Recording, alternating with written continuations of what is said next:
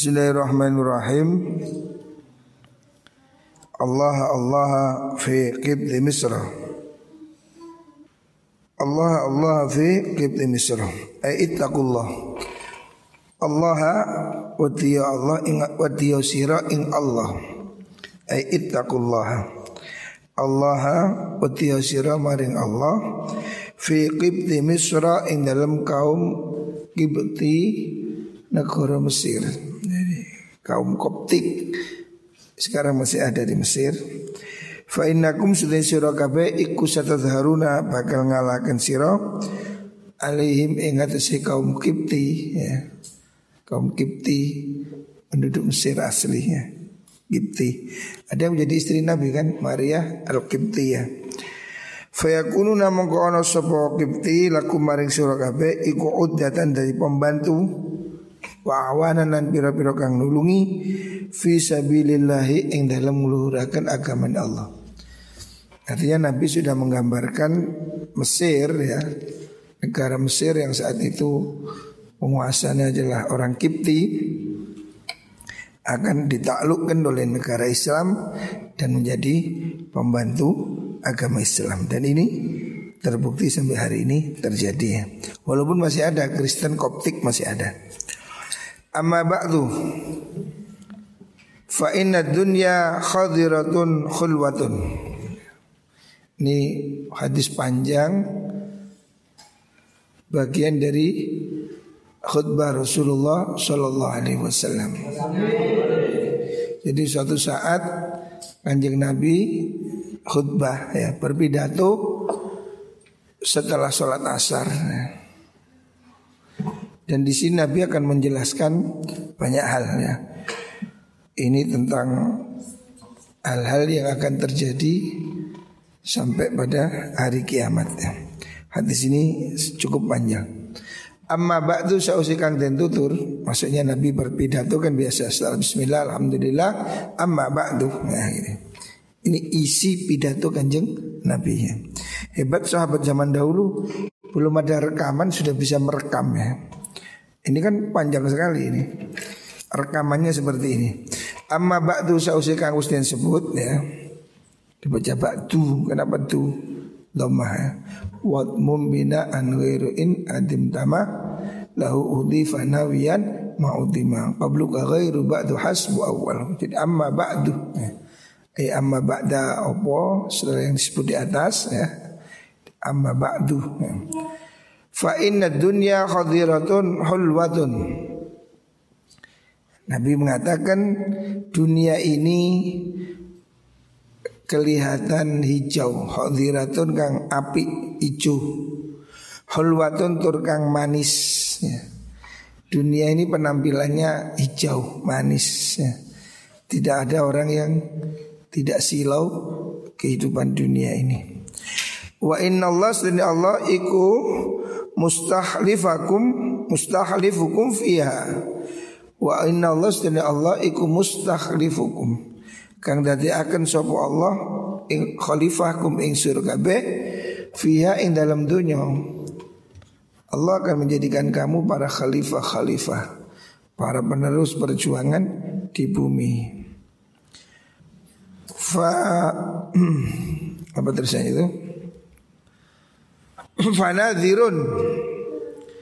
Aifallahu iku nadhirun. Utai Allah iku nadhirun Zat kang bakal ningali. Kaifa kaya apa? Tak maluna ngelakoni sirokabe Allah akan melihat Kamu dijadikan khalifah di bumi. Apa yang kamu lakukan? Ya. Fatakud dunya nah, Ini pesan Nabi kamu hidup di dunia ini ya.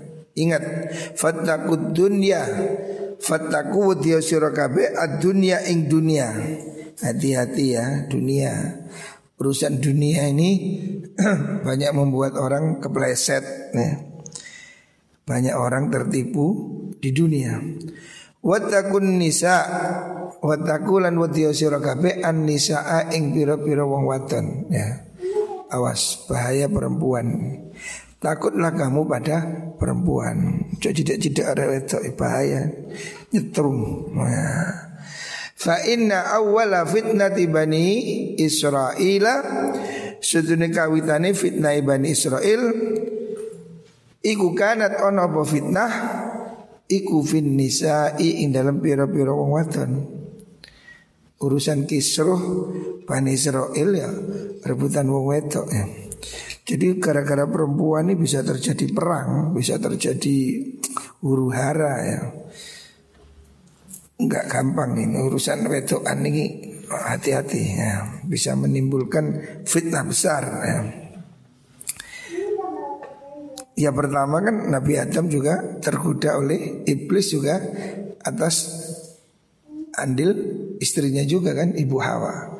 Nabi Adam sebenarnya udah nggak kepingin makan buah khuldi, tapi istrinya kan ngoyok-ngoyok ya. Yang gudo setan.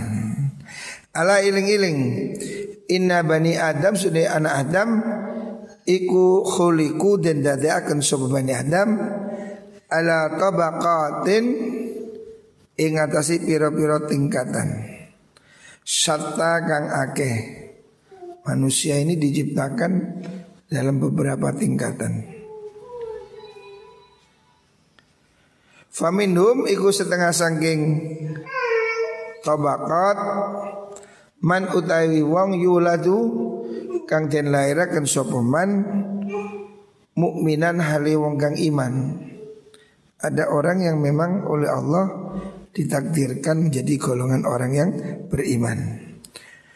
Wayahya mukminan wayahya lan urip sapa man sapa mengkono mengkono niku wau.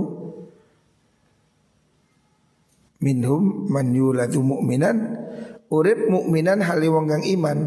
Ada orang yang ditakdirkan lahir sebagai orang mukmin dan hidup sebagai orang mukmin. Mungkin termasuk kita kita ini. Kita ini ya lahir dari bapak ibu mukmin, maka kita juga alhamdulillah hidup dalam keadaan beriman. Wayamutu mukminan, wayamutu lan bakal mati sokoman mukminan hali mukmin dan kelak ya. Muka-muka kita termasuk mati dalam keadaan mukmin. Wa minhum ikut setengah sangking man Man utai sapane wong Yuladu kang den lahirakan sapa man kafiran hale kafir. Ada orang yang ditakdirkan lahir kafir, memang hidup di negara kafir atau negara non muslim. Wa dan urip sapa man kafiran hale kafir. Dia hidup di negara kafir, lahir di sana, hidup di sana wa yamutu kafiran wa yamutu lan mati sopaman kafiran hal kafir. Jadi kita tidak bisa memilih. Ada orang yang memang lahir di negara Islam, orang tua ibu bapak ibunya Muslim, hidup Muslim mati Muslim itu kita tidak bisa milih. Ya takdir Allah begitu. Ada orang yang mati, hidupnya kafir, lahir dari bapak ibu kafir, mati juga kafir. Karena memang tidak dapat petunjuk dari agama Islam. Wa minhum jadi ada yang hidup sampai mati mukmin, ada yang hidup sampai mati kafir. Wa minhum man yuladu kafiran wa yahya kafiran wa yamutu mu'minan. Tapi takdir Allah ada orang yang Wa minhum setengah saking man utman utai wong yuladu kang den lahiraken sapa man kafiran hal kafir. Ada orang lahir kafir. Wa yahya kafiran urip sapa man kafiran hal kafir. Ada orang yang lahir kafir, hidupnya ya kafir, tapi dapat hidayah wa yamutu mukminan. Setelah itu dia mati dalam keadaan beriman. Itu ya beruntung ya. Ada orang yang akhir hidupnya dapat hidayah berubah menjadi mukmin. Ala iling-iling Innal ghadaba setuhuni sifat bendu emosi iku jamrotun mowo emosi itu bara. Makanya orang kalau marah itu kan wajahnya merah. Karena emosi itu seakan bara api. Tuqadu kang den urupaken apa jamrah? Fi jaufi ibni adam ing dalem jerone utawa tengi anak Adam. Jadi emosi marah itu seperti api yang ada di dalam jiwa. Makanya orang kalau emosi kan matanya merah, wajahnya merah. Ada taruna ono orang ningali sira kabeh ila jumrati ainaihi maring abangi meripat lurune man. Kamu lihat orang emosi itu kan wajahnya merah padam, ya. matanya merah. Ya. Itu tanda bahwa di dalam jiwanya ada api. Gitu. Wan fitahi audajihi lan jadi kebukae maksudnya metenteng gitu loh keluar piro-piro otote man orang kalau marah kan teriak otot lehernya kelihatan ya. Faida wajada mongko nalikane nemu sopo ahadukum salah suci kira kabeh sayan ing suci-wici. Min dalika sing mengkuno ghadab karena emosi itu adalah api di dalam jiwa. Fal napa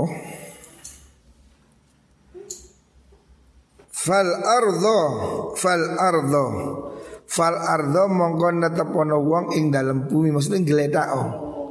Menggeledak lah dia. Jadi kalau kamu sedang emosi jangan berdiri gelut nanti. Merebahlah, diamlah gitu. Fal ardo wal ardo. Ngeleta ausiro ing dalam bumi. Al ardo ngeleta oh. Maksud berebahlah. Kalau kamu sedang emosi kata Nabi, kalau bisa tahan diri ya. Kalau kamu sedang berdiri, duduk. Kalau duduk tiduran ya. Untuk meredam emosinya ya. Hendaknya dia berusaha menenangkan diri ya. Leyan gitu loh supaya tidak semakin emosi ya. Ala iling-iling inna khairar rijali setuni luwih bagusi pira-pira wong lanang iku man wong kana kang ono sapa man iku bati al ghadabi kendu muring-muringi Orang yang terbaik itu kata Nabi Orang yang gak gampang ngamuan ya. Bati al ghadab Orang yang tidak mudah emosi ya. Itu orang yang baik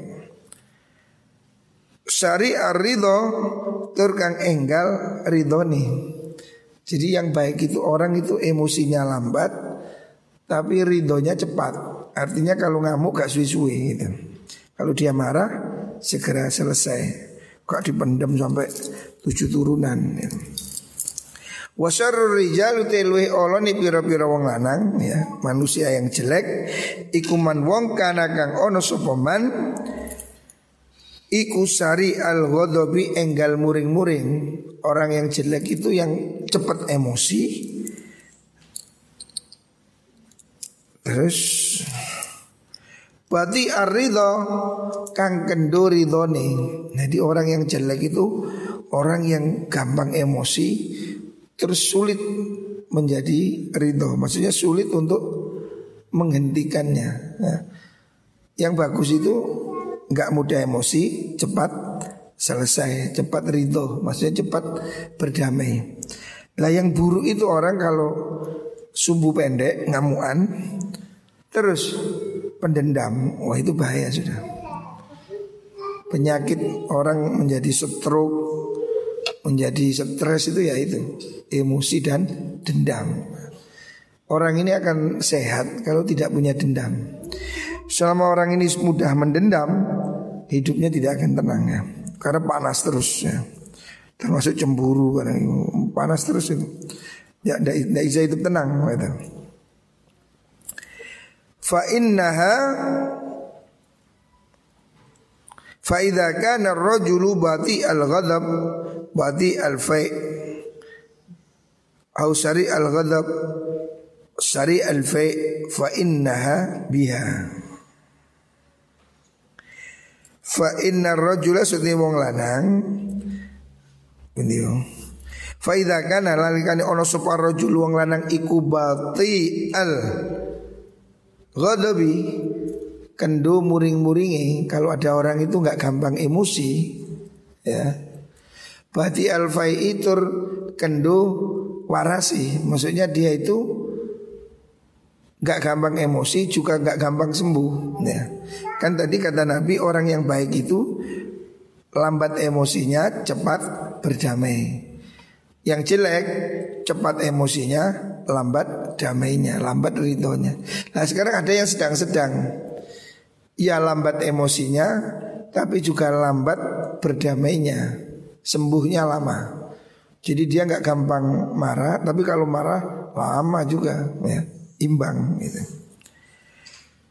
Ausari al ghadabi utawa enggal muring-muringi atau dia cepat emosi tetapi juga sebaliknya Syari al-fai'i enggal warasi Maksudnya fa itu rujuk, segera rujuk, segera berdamai. Ada orang yang tengah-tengah, cepat emosi, cepat waras. Biasanya orang kan begitu. Kalau gampang ngamuk, gampang waras, ini normal. Atau lambat ngamuknya, lambat emosinya, dan lambat sembuhnya. Ya, ini banyak kalau yang seperti ini. Ini orang biasa. Fa innaha biha, yaitu imbang antara itu emosinya imbang dengan sembuhnya. Itu orang yang kelas seperti biasa. Jadi yang bagus itu orang lambat emosi, cepat berdamai. Ini yang bagus. Gak kamuan, kalaupun marah tidak lama. Ini yang bagus.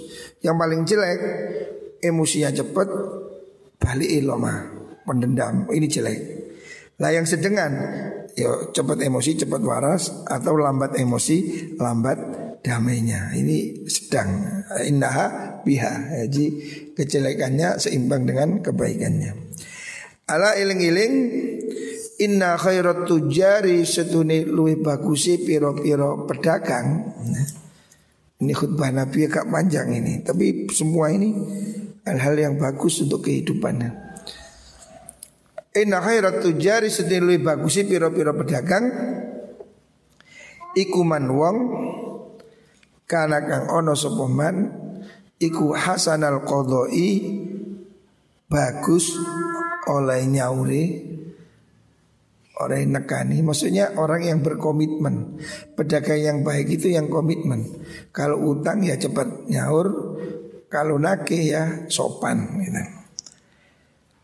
Wa sayyi'at talabi bundiho Oh hasanat talabi bagus ing dalam naki Orang yang bagus, pedagang yang bagus itu pedagang yang berkomitmen kalau punya tanggungan segera dibayar.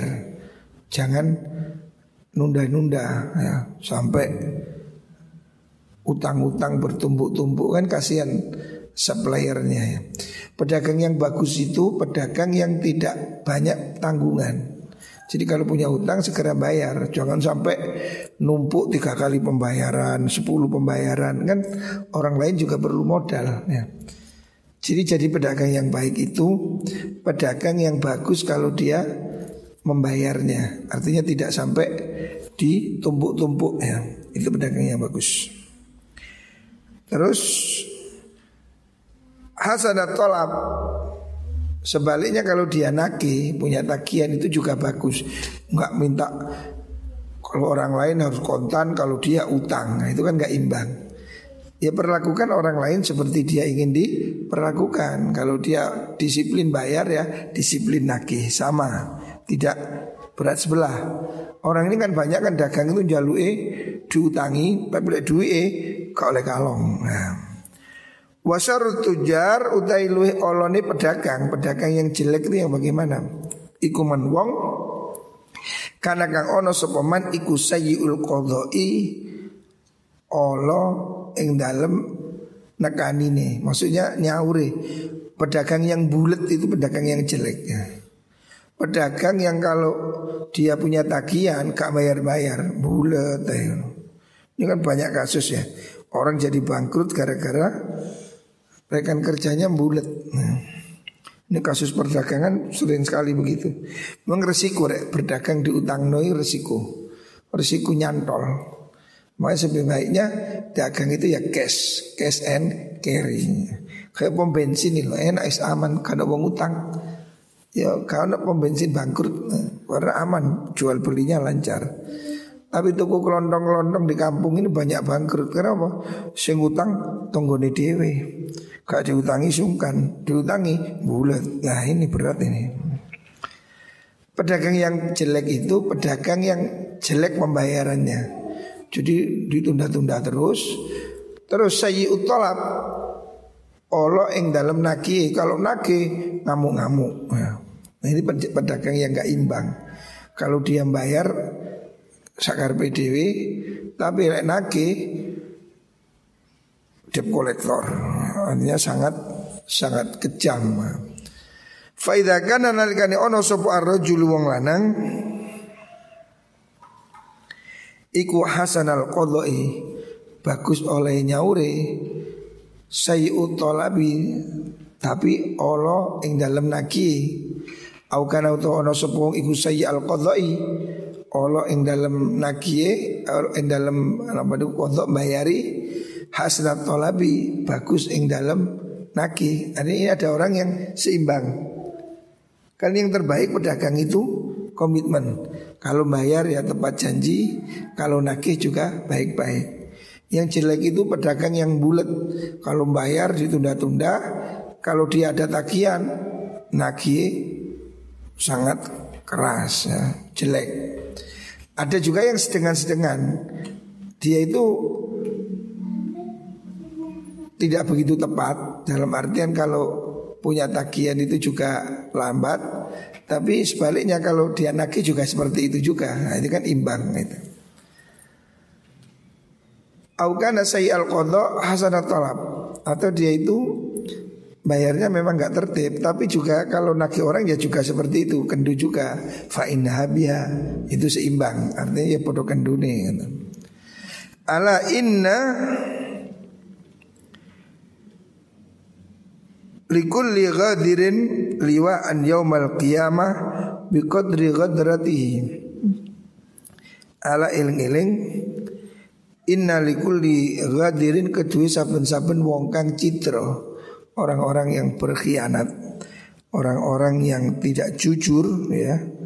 Liwaan ono gendero yaumal kiamat ing dalam tino kiamat biqadri ghadratihi kelawan kira-kirane citrone wong. Besok orang-orang yang tidak jujur, yang menipu, yang apa? tidak komitmen terhadap orang lain ya.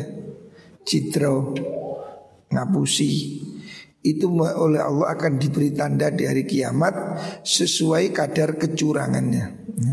Jadi besok orang-orang yang curang hari ini di dunia curang nggak bisa dipercaya perintah pelindung.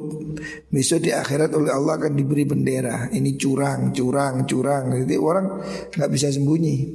Hari ini kan orang bisa pura-pura baik. Kelihatannya koyo yo yo oh tapi tukang ngapusi. Kelihatannya koyo eh apa baik tapi ternyata nipu-nipu. Besok orang-orang yang seperti itu orang yang kelakuannya nggak jujur oleh Allah akan diberi bendera diberi tanda ini tidak jujur, ini koruptor, ini tukang ngentit, ini tukang ngemplang sesuai dengan ketidakjujurannya. Semakin tidak jujur urusan gede, benderone semakin gede.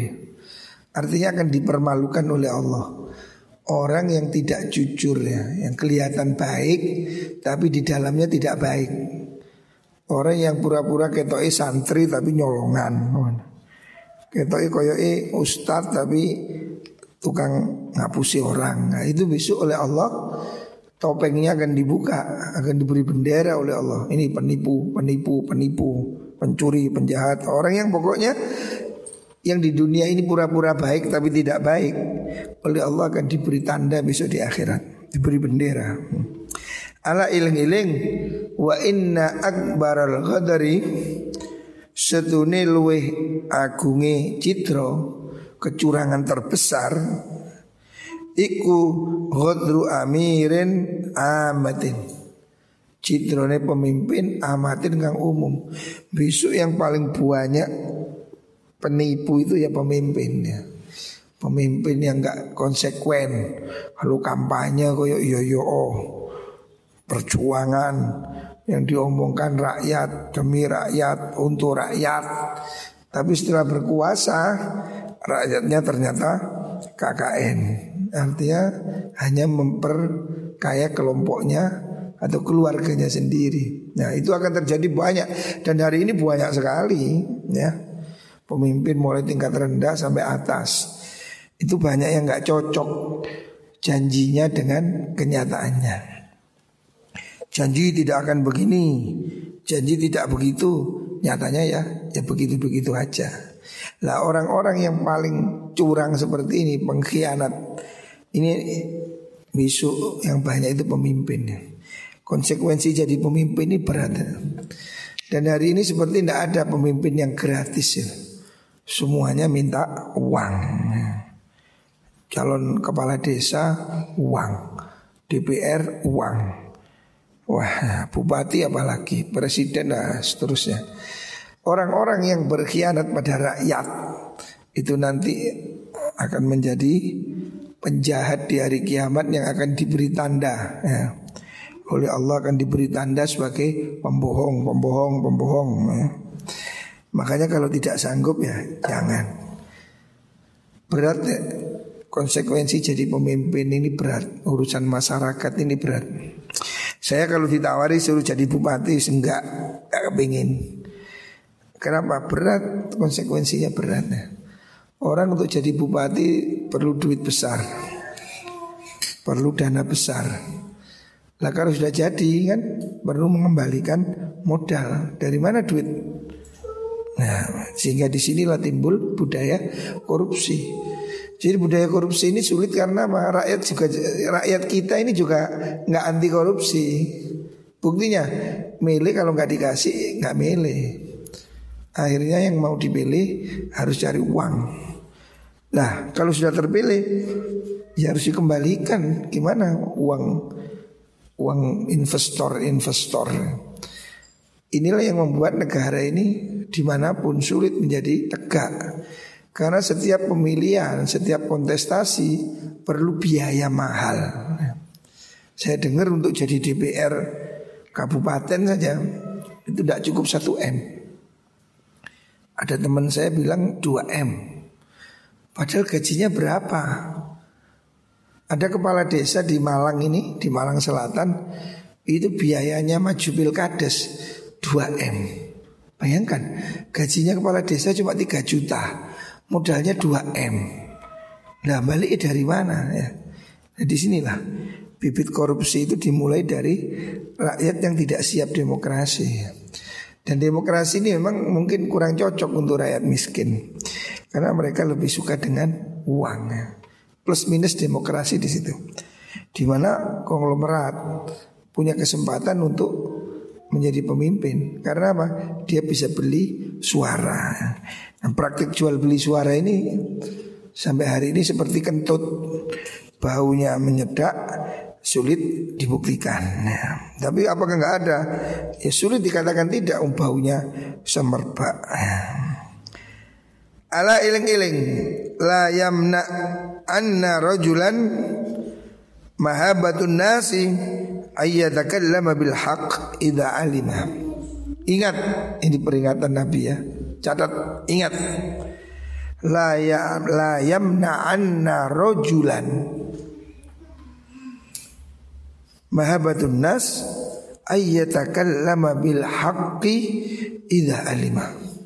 Ingat Nabi sudah mengingatkan Awas Ingat ya Jangan sampai ya, layam na'anna Jangan sampai mencegah Pada seseorang Apa mahabatun nasi takut orang lain Ayatakalama untuk bicara Bil haki kebenaran.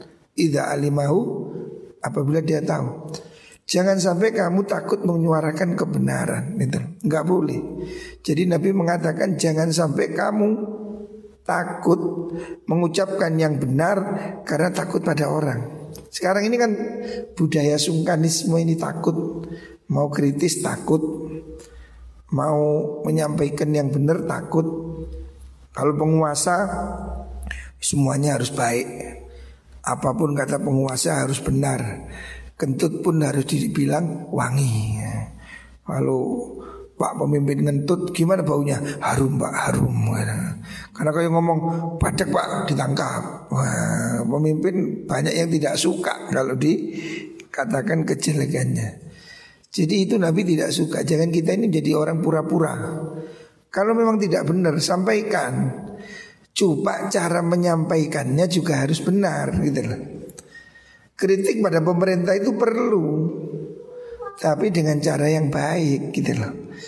Nah kita ini sering salah kaprah Maunya mengingatkan tapi dengan bahasa yang tidak sopan Nah itu justru tidak bagus ya Memang kebenaran harus disampaikan pada siapa pun. Jangan sampai kebenaran itu dibungkam oleh uang ya. Idealisme tidak boleh dibeli ya. Dan ini biasanya sulit. Orang ini kalau masih miskin Sulit menjadi tegak itu. Seperti karung kalau kosong Sulit berdiri Melimpruk nah, Orang menghadapi kebenaran itu kalau tidak punya uang Berat ya, Berat Makanya kiai-kiai ini harus kaya Tokoh-tokoh ini harus punya kemandirian karena apa? Kalau tidak dia akan selalu sungkan gitu. Mau kritik tidak berani, mau ngingetin tidak berani ya. Sehingga orang diam atas kemungkaran itu tidak boleh ya. Sampaikan kebenaran, kritik itu harus disampaikan Tapi dengan cara yang benar Jangan mengkritik dengan cara yang salah Itu tidak bagus. Jadi menyampaikan kritik pada pemerintah boleh, tapi tidak dengan cara apa memaki-maki, tidak cara bukan begitu. Nabi Musa itu diperintah Allah untuk mengingatkan Fir'aun. Fir'aun ini kan pemimpin yang maha, maha kejam, maha diktator. Tapi Allah masih mengatakan Waqula lahu qawlan layyina Musa dan Harun disuruh mengingatkan Fir'aun itu tidak dengan cara maki-maki. Fakul lahu qawlan layyina. Bicaralah dengan Fir'aun ngomong baik-baik. Qawlan layyina. Makanya inilah perlu kita umat Islam ini punya wakil di DPR supaya dia bisa melakukan fungsi kontrol pada pemerintah. Kalau DPR di jalanan percuma dikebuki polisi, demo-demo yang nggak ada gunanya. Tapi kalau DPR dikuasai, dia berhak untuk mengimpeachment atau melakukan teguran keras pada pemerintah. Selama kita tahu sampaikan yang benar ya, jangan kebenaran disumbat dengan uang. Ala iling-iling. Ingat Inna afdhalal jihadi Setuni luih utamane jihad. Jihad terbaik ya. Iku kalimat hakin Kalimat yang benar Ucapan yang benar. Indah sultanin ono ngersani Sultan penguasa Jairin kang lanjut. Jadi jihad itu Menyampaikan kebenaran pada pemimpin yang curang Itu jihad Tapi tentu saja dengan cara yang baik ya Memang betul menyampaikan kebenaran itu jihad, afdal jihad makanya. Jadi kita tidak boleh takut untuk menyampaikan hal yang benar. Tapi tentu dengan cara yang benar. Ya. Ala iling-iling. Inna misla ma baqiya minad dunya fima minha mathalu yaumikum hadha fima madha minhu. Ala iling-iling ingat ya. Nabi mengingatkan inna masalah dunia setuni perumpamaan di dunia. Misalama masalama baqiya minat dunia. Inna masalah setuni perumpamaan di perkara bagi isi tetap opoma minat dunia saking dunyo ya Kata Nabi perumpamaan usia dunia hari ini Sisa hidup di dunia tinggal berapa? Dibanding fima madho Dibanding zaman yang telah lewat Minha senging dunya Iku matsalu ma baqiya min yaumikum Hada fima madho Itu seperti Nabi bilang Perumpamaan dunia ini Sisa kehidupan di dunia ini Seperti sisa kehidupan yang ada pada hari ini. Nabi waktu berkhutbah, waktu Nabi menyampaikan khutbah ini setelah asar. Itulah. Makanya Nabi mengatakan sisa kehidupan di dunia dibanding masa yang telah lewat seperti apa yang terjadi hari ini ya. Mabaqiya min yaumikum Waktu yang tersisa hari ini Hada sekarang setelah asar ini Fima dominu dibanding waktu yang telah lewat. Jadi di zaman Nabi Zaman ini sudah asar. Saat ini kira-kira sekali maghrib ya. Nah Nabi sudah berapa ratus tahun? Nabi sudah 1400 tahun. Waktu Nabi masih hidup ya Nabi sudah mengatakan usia dunia ini antara yang akan datang dengan yang telah lewat seperti waktu kita hari ini. Nabi waktu bicara itu setelah asar. Artinya waktu yang telah lewat itu jauh lebih panjang gitu loh. Kimnya itu kan maghrib matahari tenggelam. Lah, Nabi mengibaratkan usia dunia pada za, pada zaman Nabi saat Nabi hidup itu usia dunia sudah batal asar. Nah, lah sekarang sudah 1400 tahun. Mungkin sus maghrib kurang 10 menit kira-kira. Jadi kiamat ini mungkin sudah dekat. Karena apa? Zaman Nabi itu sudah setelah asar. Nah sekarang ya mungkin maghrib kurang puluh menit, boleh mulas menit gitu. Artinya waktu ini sudah semakin pendek ya. Kalau Nabi menyatakan kehidupan di zaman Nabi itu sudah bagaikan waktu setelah asar. Ya. Nabi saat menyampaikan khutbah ini setelah asar. Maka Nabi mengatakan sisa waktu yang tersedia di dunia ini dibanding waktu yang telah lampau mulai Nabi Adam itu seperti saat ini, sore ini, setelah asar ini, ya. Zaman Nabi, dunia ini sudah setelah asar. Asar ke maghrib itu kan deket loh. Berapa jam kira-kira? Taruhlah asar itu jam 3, wip, wip ya. Maghrib jam setengah enam. Berapa jam? Empat, lima, tidak sampai tiga jam kan? Cuma dua setengah jam dibanding subuh sampai ke asar. Subuh jam berapa? Jam 4. Asar jam 4, jam 3, 11 jam ya.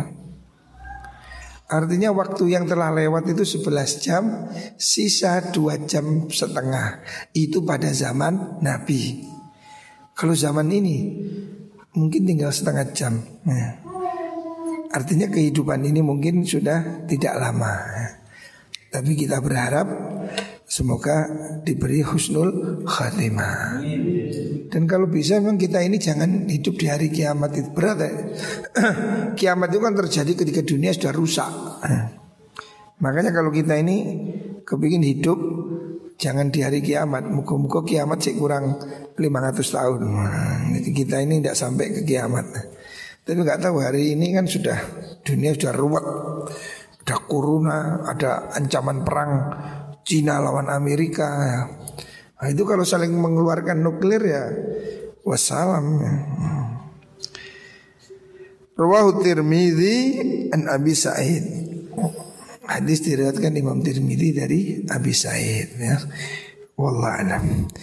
Muka-muka ini khutbah Nabi ini bisa kita fahami Membuat kita menjadi lebih baik ya.